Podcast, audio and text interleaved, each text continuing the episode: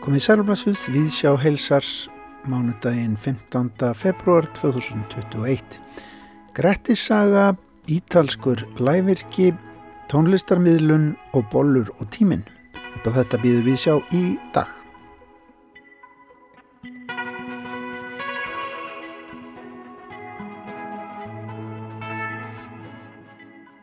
Við hittum Helgu Rödd Guðmundsdóttur, profesor við mentavísitas við Háskóla Íslands og ræðum við hann um tónraf bækur og miðlun tónlistar í samtímanum. Helga Rödd tók til máls á hugarflýi listrannsókna ráðstefnu Listaháskóla Íslands sem að fór fram í síðustu viku. Lestur nýrar kvöldsögu hefst á rás 1 í kvöldfluttur verður. Lestur Óskars Halldórssonar á Grettisögu. Óskar var einn fremsti og kunnasti lesari út af sinns á sinni tíð. Grettisaga var síðasta verkefni hans af því tægi en hann hafði þá um skeið unnið af rannsóknum á sögunni. Óskar Halldórsson lést árið 1983 og var lesturinnum útvarpað árið eftir. Óskar fættist þann 27. oktober árið 1920 og 1 og í haust verða því 100 ár liðin frá fæðingu hans.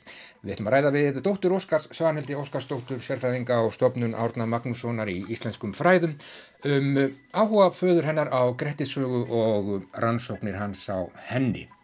Heyrandi nær tónlistarhótt Arljóts Sigurssonar færir okkur í Pistli vikunar heið smitandi brós sem að finna má í tónlistins gáskafulla Renato Carosone en dægurperlur hans hafa rata víðar en margur myndi halda. En fyrst nokkur orð um bollur og tíman.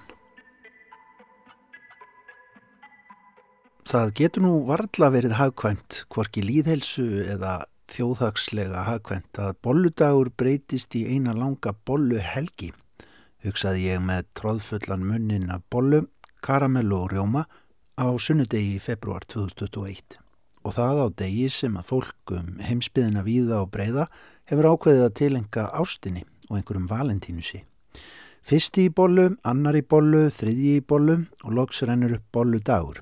Hann er í dag. Kanski kannast einhverju hlustendur við þetta að hafa tekið förstudag, lögadag og sunnudag í bollu átt og svo er maður komin með löflétt samviskupita á bolludeginum sjálfum. En hvað með það hugsa maður? Maður lífir bara einu sinni, líklega. En allavega þessi dagur Bolludagur virðist manni vera eitt þeirra sem við notum til að mæla tíman með, hvernig árin líða hvert á eftir öðrum.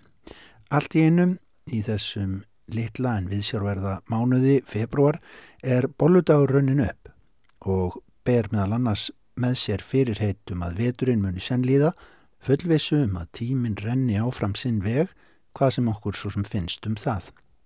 Engin stöð var tímans þunga nið, segja þér, þennan nið sem að enginn heyrir samt ef úti það er farið.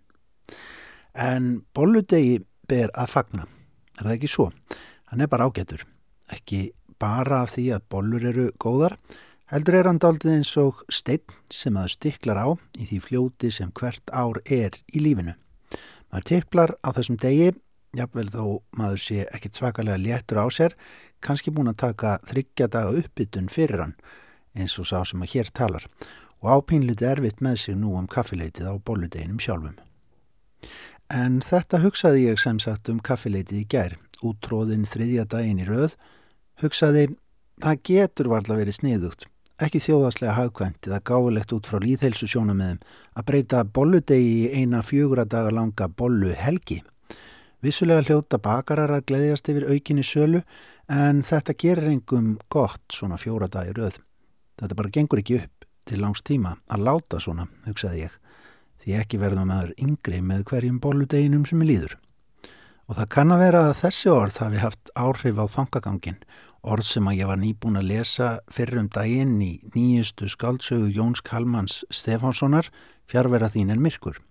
Þar segir á einum stað, tíminn líður, hann gerir það alltaf sérfræðingur í því að líða, með doktorspróf í því að láta okkur eldast og síðan deyja, síðan hverfa og skömmu síðar í sömu bók heldur Jón áfram. Þannig er það við eignumst okkar stundir þar sem hamingjan blessar okkur, síðan líður hún breytist í fortíð og fortíðin kemur aldrei aftur tilbaka. Treyji er minning okkar um liðna hamingju, Það er mannsins saga, til vitnum líkur.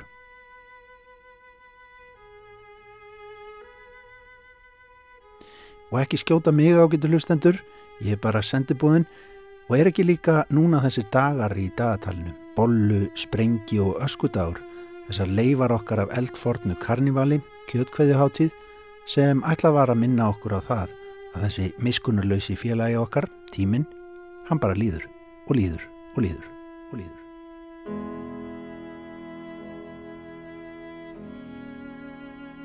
Já, það var því með nokkrum þingslum með þessa þanga í kollinum og nýbakaðan bollustein í maganum eftir upphittun gerdagsins fyrir daginn í dag sem ég drataðist út í bæ til að reyna að njóta tónlistar trátt fyrir sjálfskeipaðar meldingartrublanir.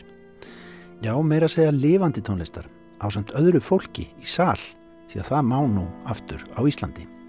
Harpa var heimsótt á sunnudað síðdegi til að heyra eitt af líkilverkum tónlistarsögunar á 20. öld kvartett fyrir endalóg tímans eftir franska tónskáldið Olivier Messiaen, mann sem að elskaði fuggla hímins meira en flestir aðrir samt í fjölmörg mistaraverk en eitt er að mun líklega tryggja að nafn hans gleimist seint, þrátt fyrir tímans þunga nið og það er þessi kvartett fyrir endalóg tímans.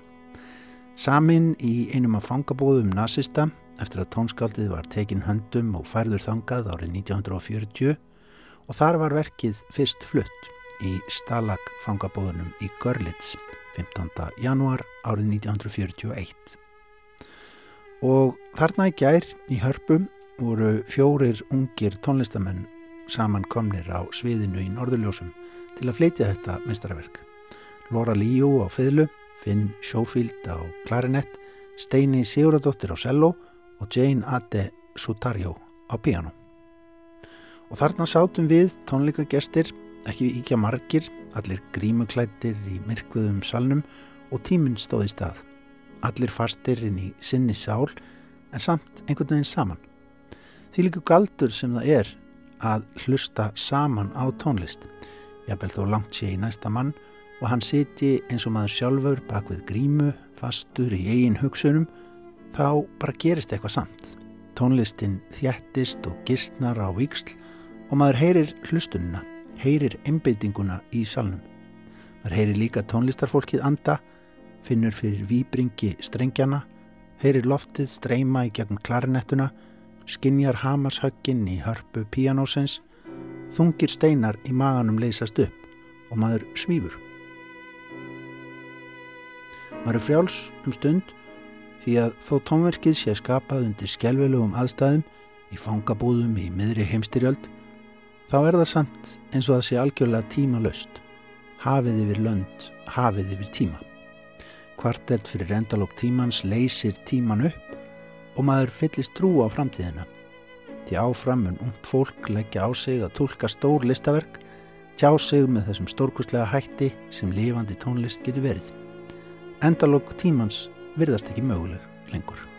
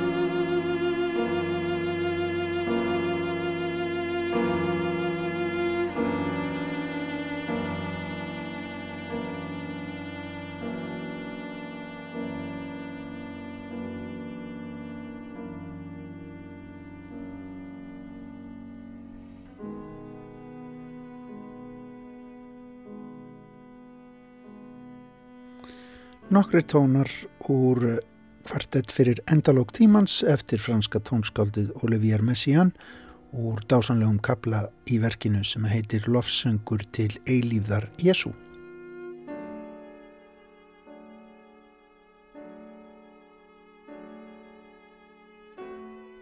Hugarflug listraðstefna Listaháskóla Íslands fór fram í síðustu viku. Einn þeirra sem tók til máls á ráðstefninu er Helga Raud Guðmundsdóttir, profesor við mentavísindasvið Háskóla Íslands. Hún rætti þar um miðlun tónlistar og eitthvað sem hún kallar tónaraf bækur. Við fórum í heimsók til Helgur Rudar.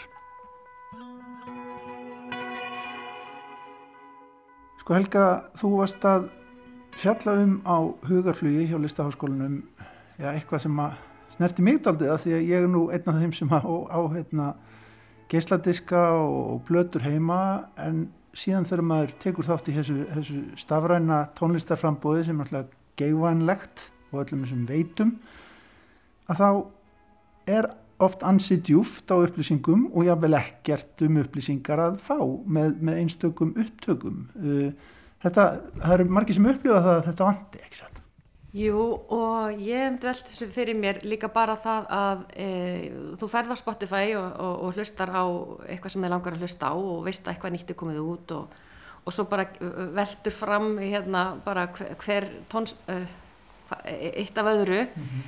en þú er kannski að leita einhverju sérstöku og áður þá fekk maður geislaldiski hendurna sem var svona áþreiganlegur pakki eða plötu eins og það voru og jafnvel kassettunar voru samt einhvern veginn áþreifanlegar og það var oft búið að skrifa inn í hvaða röð e, það var sem var á kassettunni þannig að e, það vandar finnst mér e, að við einhvern veginn hefum náð að fylgja eftir tækninni. Tæknin hefur einhvern veginn farið svolítið fram úr okkur af því að við viljum geta deilt tónlist hvert með öðru á aðeins áþreifanlegri hátteldur en bara að segja hlust á þennan playlista og ég fór nú að velta þessu fyrir mér að því að ég hafi gefið út bók með geisladiskin í og nota geisladiska til þess að, að, að láta fólk fá tónlist og svo á engin lengur spilara.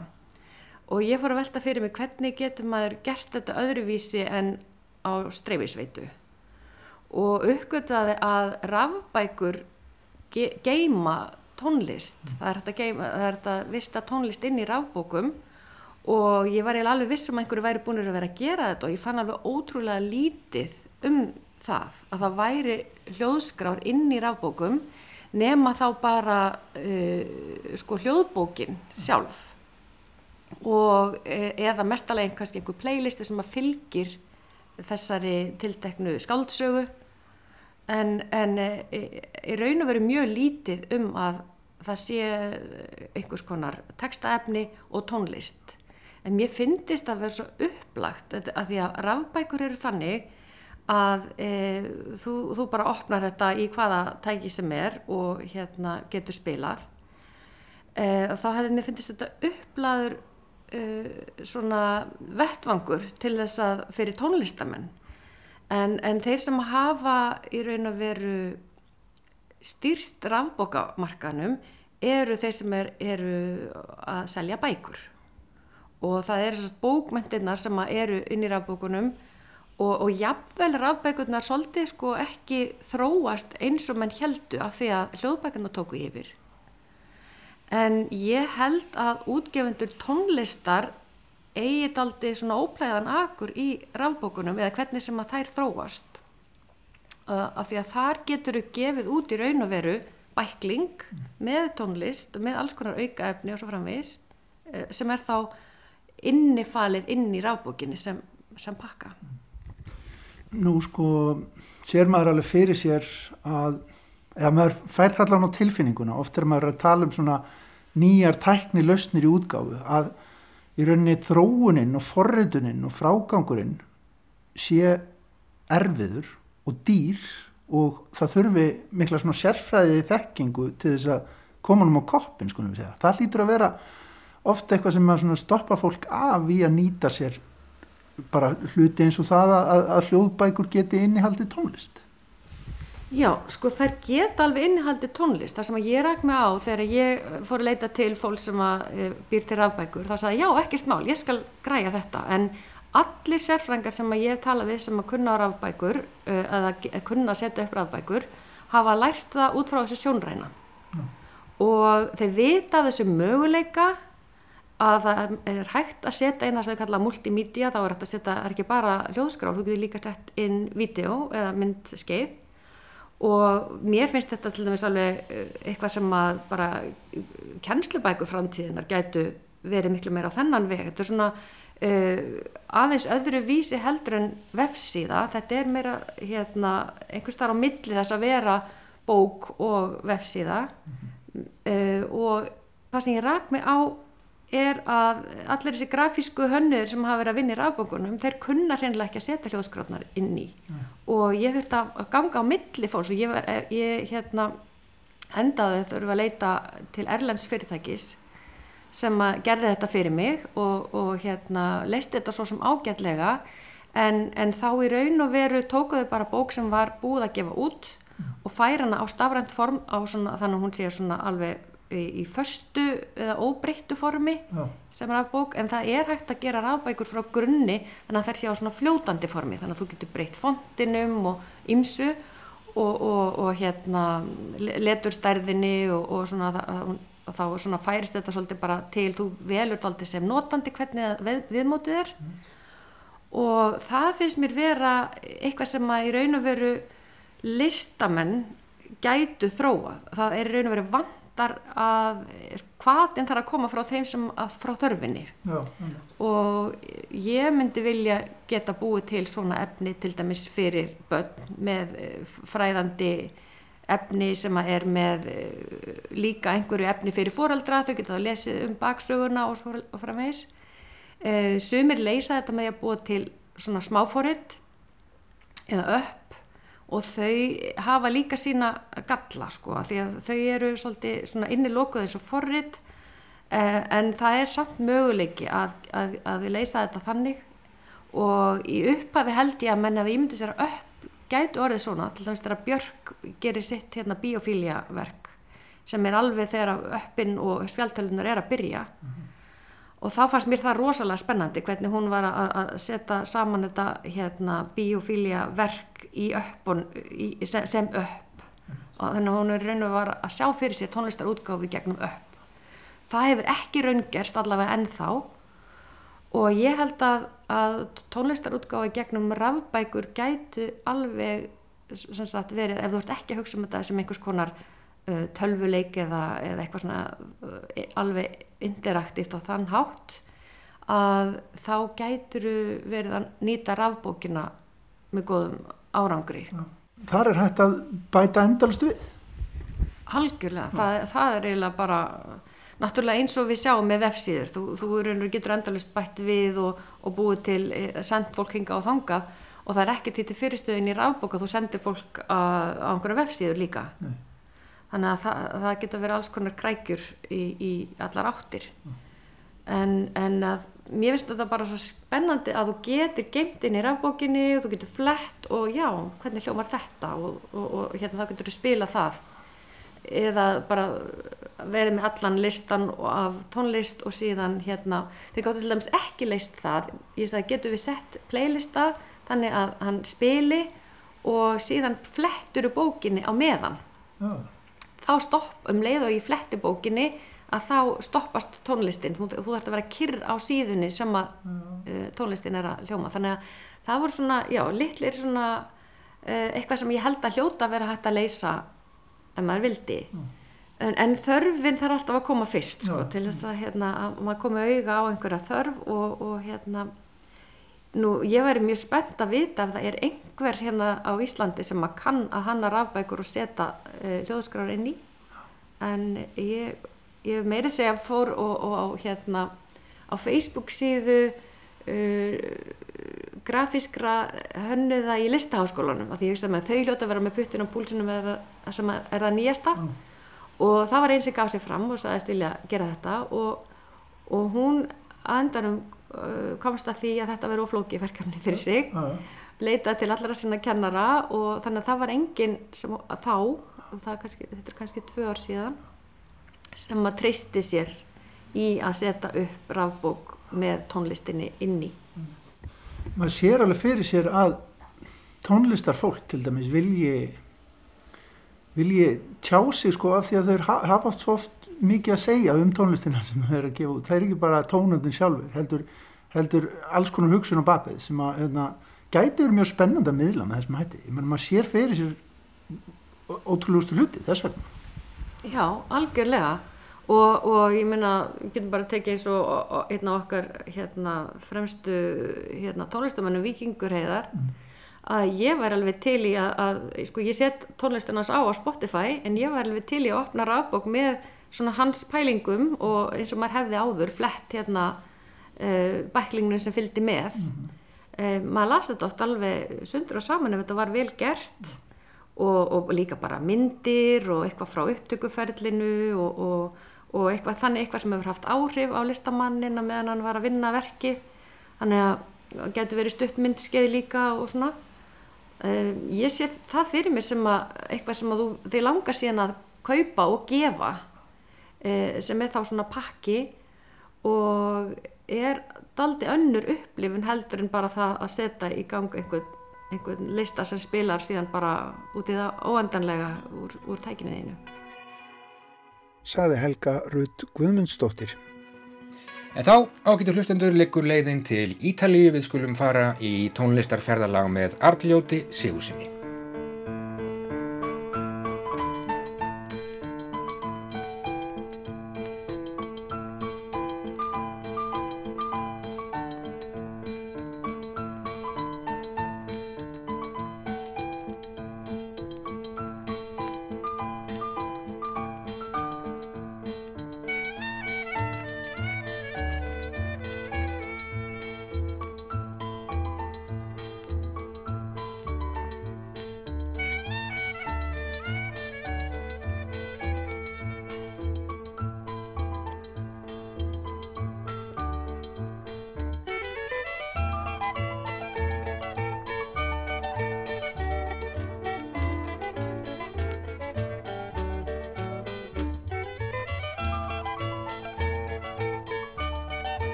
Hér heyrðum við brót úr læginu Il Poccolo Montanaro með góðkunningja okkar ítalska læfirkjanum Renato Carosone. Í síðustu viku heyrðum við hann syngja sinn nautabanadans Torero en við nánari aðtugun á þessum vinalega söngfugl frá hjarta ítalskar söngmenningar, Napoli, kom ímislegt forvöndinlegt í ljós. Tónlistin hans er yfrið grallaraleg og galsafingin, æði hressandi og nett geggjuð á köplum. Rætur tónlistar hans likja ekki aðeins í tónlistarmenningu Ítala, heldur smjúa þær langt út fyrir landamærin og víða verður komið við sögum í þessum stöttapisli dagsins. Renato Carasone fættist sem fyrir segir í Napoli á Ítalíu árið 1920. Ný útskrifaður í píjónuleik skrifaði hann undir samning sem sendi hann í tónleikafræðalag um Afriku þar sem Ítalir höfðu staðið í hernaðarbröldi og stríðisregstri og skemmti hann samlöndum sínum í ítölskum herstöðum á meðan setni heimstöldinni stóð. Eftir flakk þarum slóðir lit hann staðarnumið í höfuðborg Eþjópiu, Addis Ababa, þar sem hann var með húsband í nokkur ár. Tónlist hans er, má segja, en þá að hrista eðmerkursandin úr skónum og greinileg eru afrísk áhrif í mörgum laga hans, þar á meðal Caravan Petrol. Caravan Petrol, Caravan Petrol, Caravan Petrol, Caravan Napoli, Napoli petrolifera, Caravan Petrol, Caravan. M'ha già affittato un camel m'ha già cattato un turbante, un turbante nascente con pennacchio rosso e blu. Con fiasca manio da Murriella, c'era con petrolio americana, mentre ballano i beduini, mentre cantano i tribù. Come si bella a cavalla sto camella con vino, l'altra colla con turbante un archile pescava il tuo tu si scorda della non è cosa che ho pedoria non c'è sta alla alla alla. Ma chi t'ha fatta fa? Come si bella cavalla sto camella con vino che la coda con turbante un arghile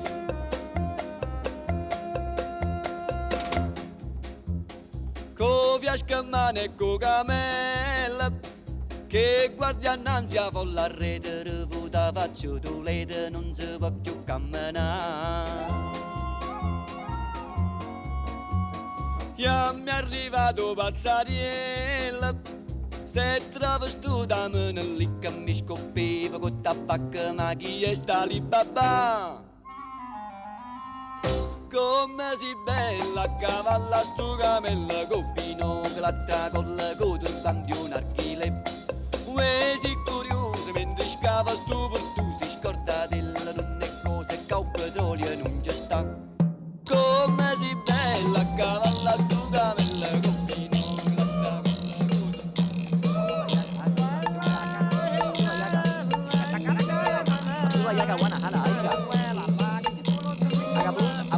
la yaga wana yaga yala I wanna get them, I wanna get them, I wanna get them, I wanna get them.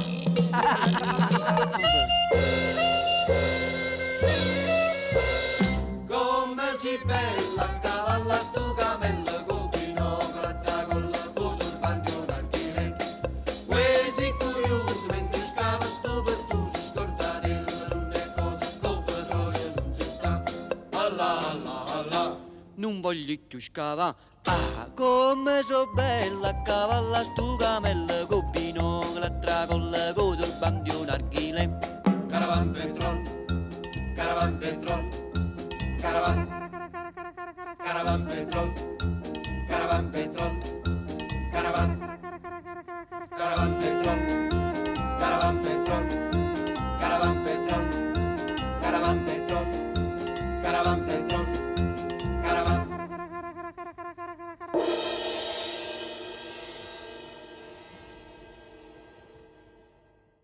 Þegar styrjöldinni lauk hvarf hann aftur til heimalandsins þar sem hann stopnaði nýja hljómsveit, Trio Carosone. Á trommur var fenginn Jege di Giacomo en á gítar spilaði hollendingurinn Peter van Houten. Nafni kakoframleyslunar viðfrægu sem seðjaði þorsta landsmanna um árabil og kom sér einnig þægilega fyrir í nafni tilrunapöngbandsins Van Houtens Coco. Nóum það.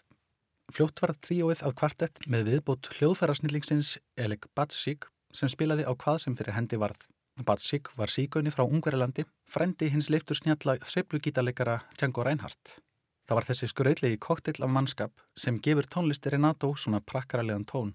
Þar örlar á einhvers konar sirkusættiðum línudansi í kromantískum stuttum tónskrifum sínum. Músikin er léttlind og tipplar á tá og snýr sér á hæl í nettu dilli. Minnir oft á tíðum á bullsönglag Sjaplin úr Modern Times. Eins konar húmoreskur þar sem stutt er í bros á vör og jafnvel dálitið skrýbó. Hlýðum nú á Ricordate Marcellino með Renato Carosone og hljómsveit.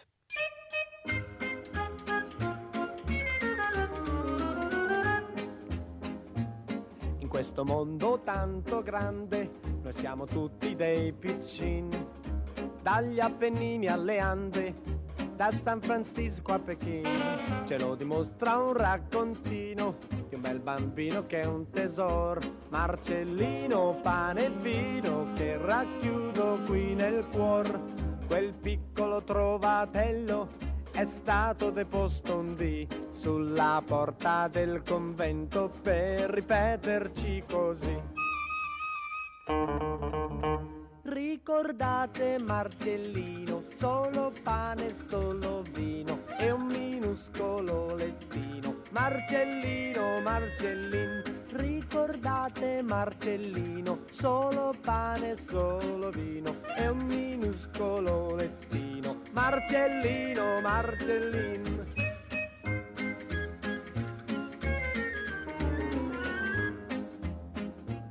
Se noi giochiamo a far gli affari con sottrazioni ed addizioni, noi non vediamo che i denari, sogniamo solo i milioni.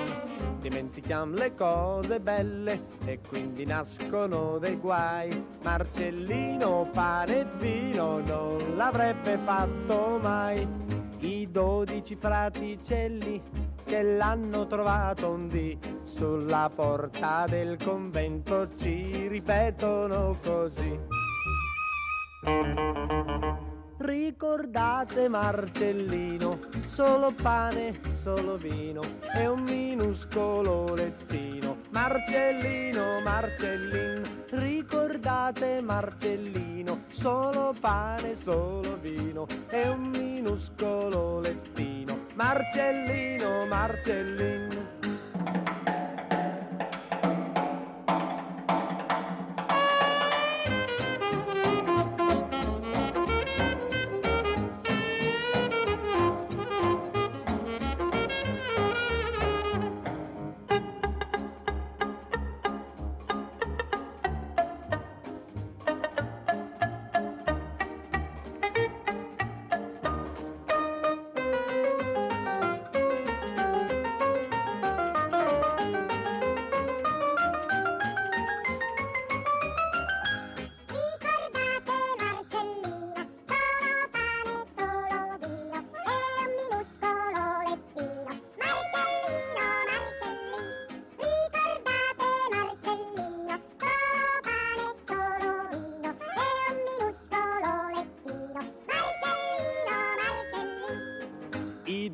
Dodici fraticelli che l'hanno ospitato un dì tra le mura del convento ci ripetono così.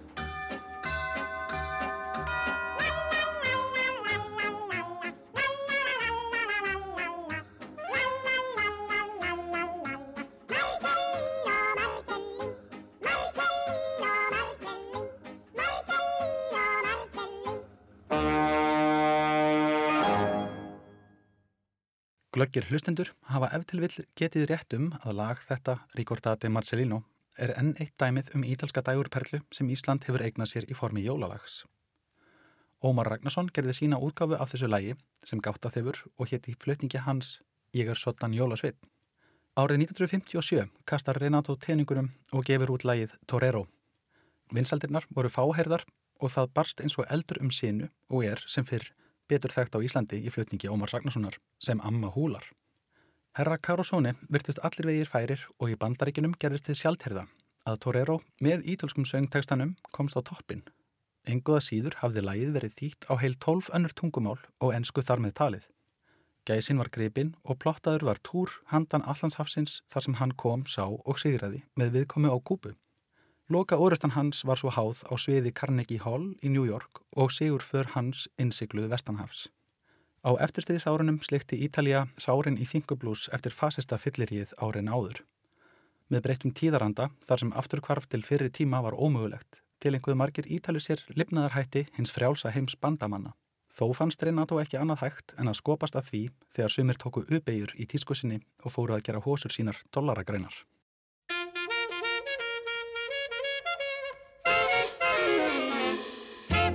Porte cazzone con un stemma a rete. Una cuppulella che vi si era aizzata. Passa scampanianna pattuleta Con mano a papà fa guardare Tu fa l'americano, americano, americano Senta a me chi ti fa fa Tu vuoi vivere alla moda, ma se bevi whisky e soda Poi ti senti disturbato. Tu abballo rock e roll Tu gioca a baseball Nei sordi peccamella Chi te li dà la borsetta di mamma Tu fa l'americano, americano, americano ma si nati in Italia, sienta a me non c'è sta niente a fa. Ok, napolitan, tu vuoi fa l'american, tu vuoi fa l'american. Come da poca picchita va bene, se tu la parla miezza americano. Quando si fa l'amore sotto la luna come te viene in capo di I love you. Tu fa l'americano, americano, americana, sienta me chi t'ho fa fam. Tu vuoi vivere alla moda, ma se bevi whisky and soda, poi ti senti disturbato. Titill lagsins, Tuvo Fal Americano, er í lausleiri þýðingu pislahundar Þú ert sotan kanasleikja. Teksti lagsins er nokkuð hæðin. Hann syngur til eins konar rutta í Toledo sem gengur í merkjaföru gallaböksum, drekkur viski í sóta með viðláðandi þingu, hlustandi á rock og ról. En peningarnir fyrir kamilpökkunum eru hins vegar illa fengnir úr verski móður hans. Höfundur tekstans hétt Nikola Salerno og notaði gælnamnið Nisa. Þeir tveir nutu hæfileika hvors annars í samvinnu sinni sem sönglagasmiðir og hugmyndaauðginn í tónlistinni og gletni tekstana nutu sín í bland enda afræksturinn eftir því.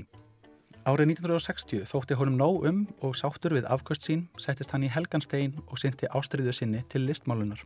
En lengi lifir í gamlum glæðum og hlið hans frá tónlist varði ekki lengur en 15 ár og þá sneri hann aftur á sviðið. Eftir fráfall hans árið 2001 hlaut þetta lag endur nýjun lífdaga þegar það var endur hljóðblandað í stíl rafsviplutjas eða elektroswing og hljómaði í viðtækjum landsmanna um þúsaldamótin. Þegar snögt er í heldina litið er auðséð að hinn gáskafulla tónlist Renato Carosone heldur áfram að smita okkur með brosi sínu langt inn á nýja öld.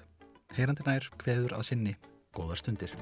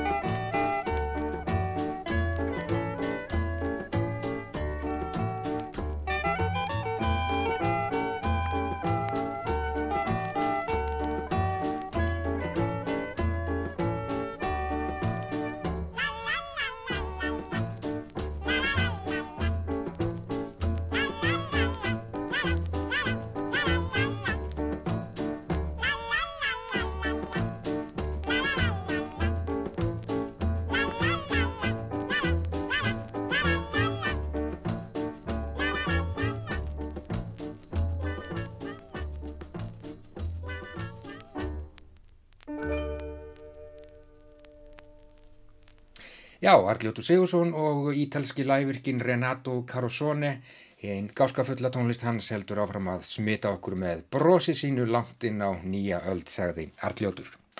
En þá að nýri kvöldsögu hér á Rás 1. Nú kemur aðfangadagur jóla.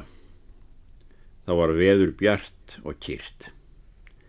Grettir var lengst um úti um daginn og sá að skip fóru söður og norður með landi því að hver sótti til annars þangað sem samdrykjan var sett.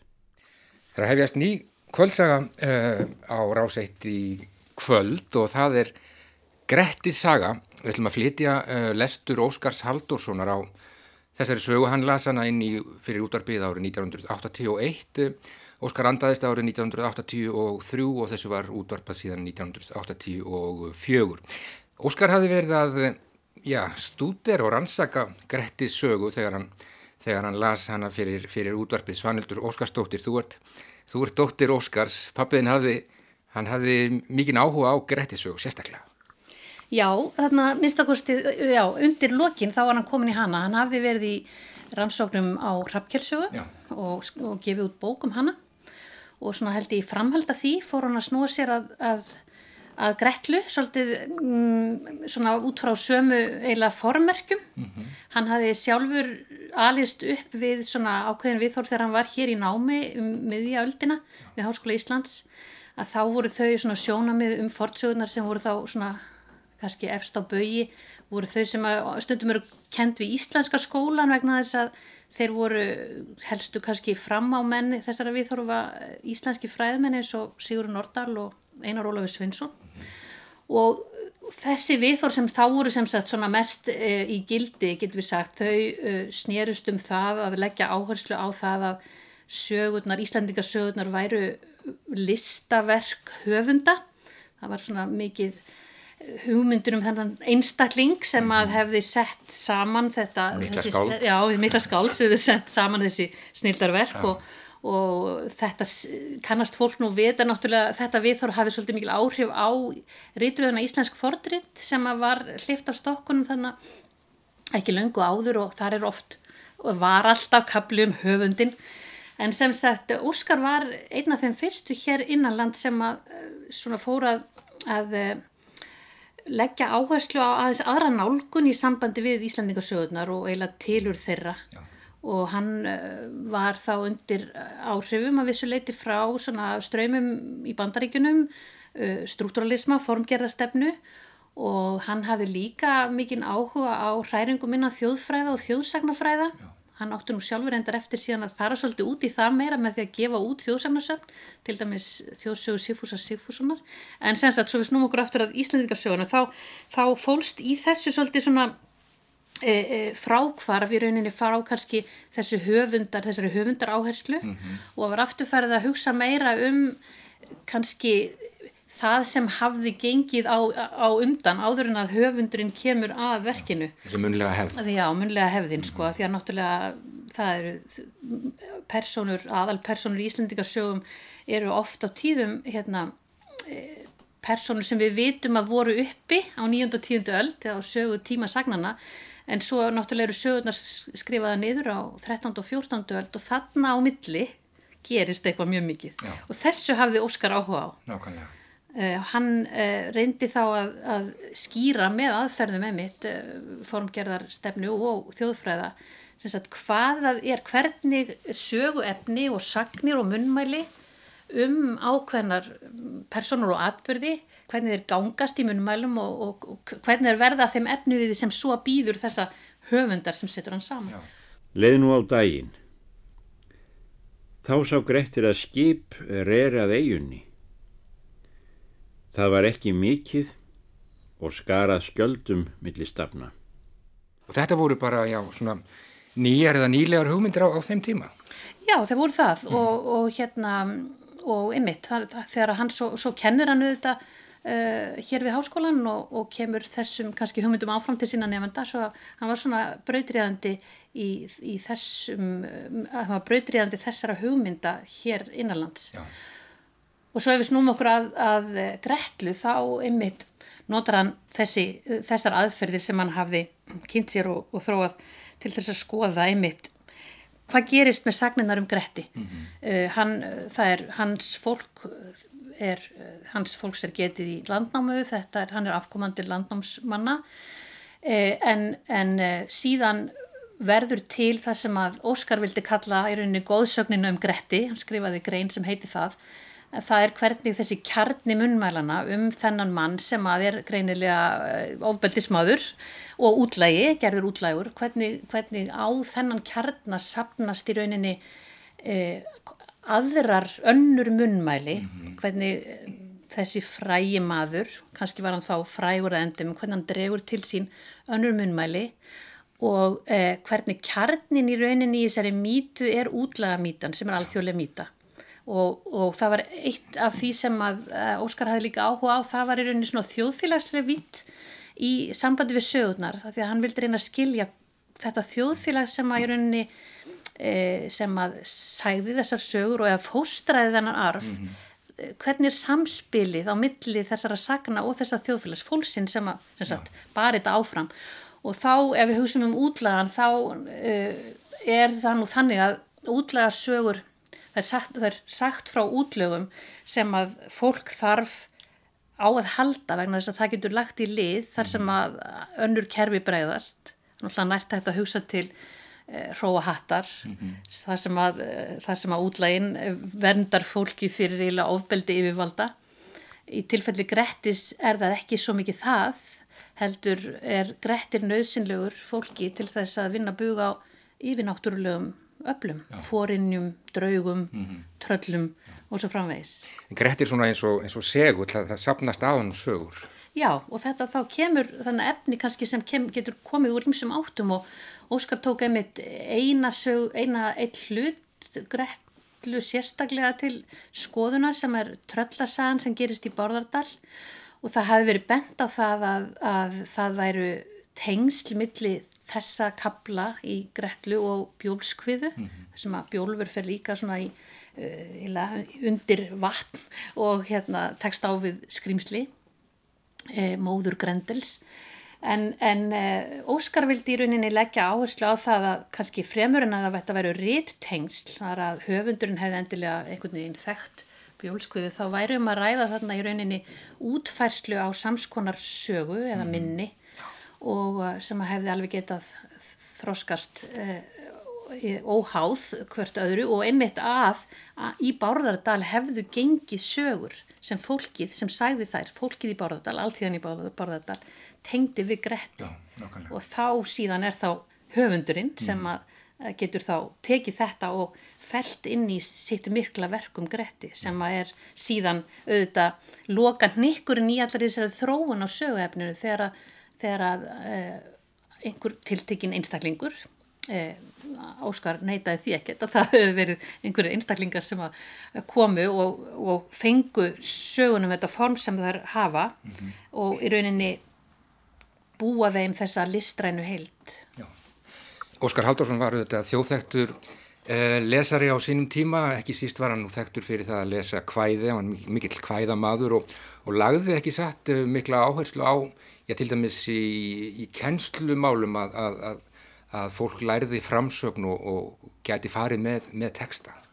Jú, og nú fannst í rauninni eh, framsögn og upplestur vera allt og mikil hornrega í, í móðumálskennslu og barðist fyrir því eh, að auka hlut Já. þessa og það var nú lengi tíðkæðist einmitt að leggja áherslu á hraða þegar var verið að eh, kenna krökkum að lesa og mæla árangur þeir í lestri Já, og, já, einmitt, og þetta náttúrulega mörguleiti kannski vann á móti því markmiði að, að fá þau til þess að, að lesa með skilningi á því uh, hvað þau væri að fara með. Já.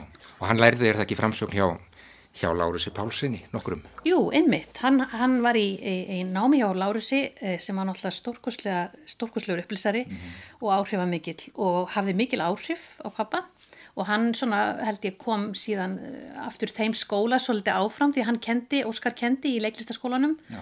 og hafði líka námskeið hér við háskólan e, í framsögn og upp, upplestri og, og það er svona, maður, maður tekur eftir því mitt í ljóðalestrinum þá sér maður svona þenn, þessi þennan skóla frá Lárusi sem að sem að, ég myndi, ég kannu að lýsa því það er mikil músík í því hvernig Lárus og Óskar lesa Já, nákvæmlega. það er mikið, það er notað notir blæbriði rattarinnar litir rattarinnar og það að taka utanum ákveðin likil orð í kvæðunum og lita þau það var orð sem að pappi notaði oft þegar hann var að tala um upplestur, að taka utanum og, og lita og þetta heyri maður nú allt í, í lesturinnum sko. Nákvæmlega.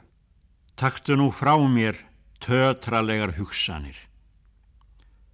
Taktu nú frá mér fjasmælgi, opin ljóð. Taktu nú frá mér tíman í blaðastíl. Gefðu mér dag sem geistlar eins og brimströnd. Það eru 100 áliðin frá fæðingu Óskars Haldurssonar eh, núna 27. oktober síðar á þessu ári og þið aðkomendur þið ætlið að ekki sagt að taka saman eh, svona það helsta sem hann skrifaði og, og, koma út á bók. Margir þekkja nú til dæmis brag og ljóðstil, ekki sagt? Jú, þetta var skólabóku þetta sem að, sem að uh, hann gaf út og var mikið notuð. Við ætlum reyndar ekki að endurútgefa hana, við ætlum að innbeita okkur að bókmyndaritgerðum og, og þar er nú eiginlega fyrir utan Íslandingasögunar eða fortsögunar þá þar sem eru mm, nokkra greinar sem að hafa mitt uh, hafa ennþá mikið gildi að þá eru það hitt megin rannsóknarsvið hans sem var ljóðagerð 19. og 20. aldar þannig að við ætlum að hafa í bókinni svona, það, það, verður, það verður svona tveir megin hlutar, það eru fortsögurnar og það eru uh, greinar um uh, skáldskap á 19. og 20. aldar Hann stúdur eða til dæmis Stefán G. er það ekki? Jú, það var kandidatsritgerðin hans og við ætlum að prenta þá uh, ritgerðið mitt aftur. Nákvæmlega. Við fylgjumst með því að það verður gaman að fá það í hendur en eh, ný kvöldsaga á Rás 1 Lestur hefst stundislega klukkan 21.25 og það er Óskar Haldarsson sem að les Grettisögu og um, við ætlum að fylgjast með í viðsjá, við ætlum að skoða Grettisögu frá ymsum sjónarhornum á næstu vikum. Leðsögum aður okkar verður Örnólfur Tórsson sem að hefur skrifað um Grettisögu og hugsað vel og lengi um hana. En Svanildur ég segi bara góða skemmtun og takk fyrir mig. Takk sem leiðis.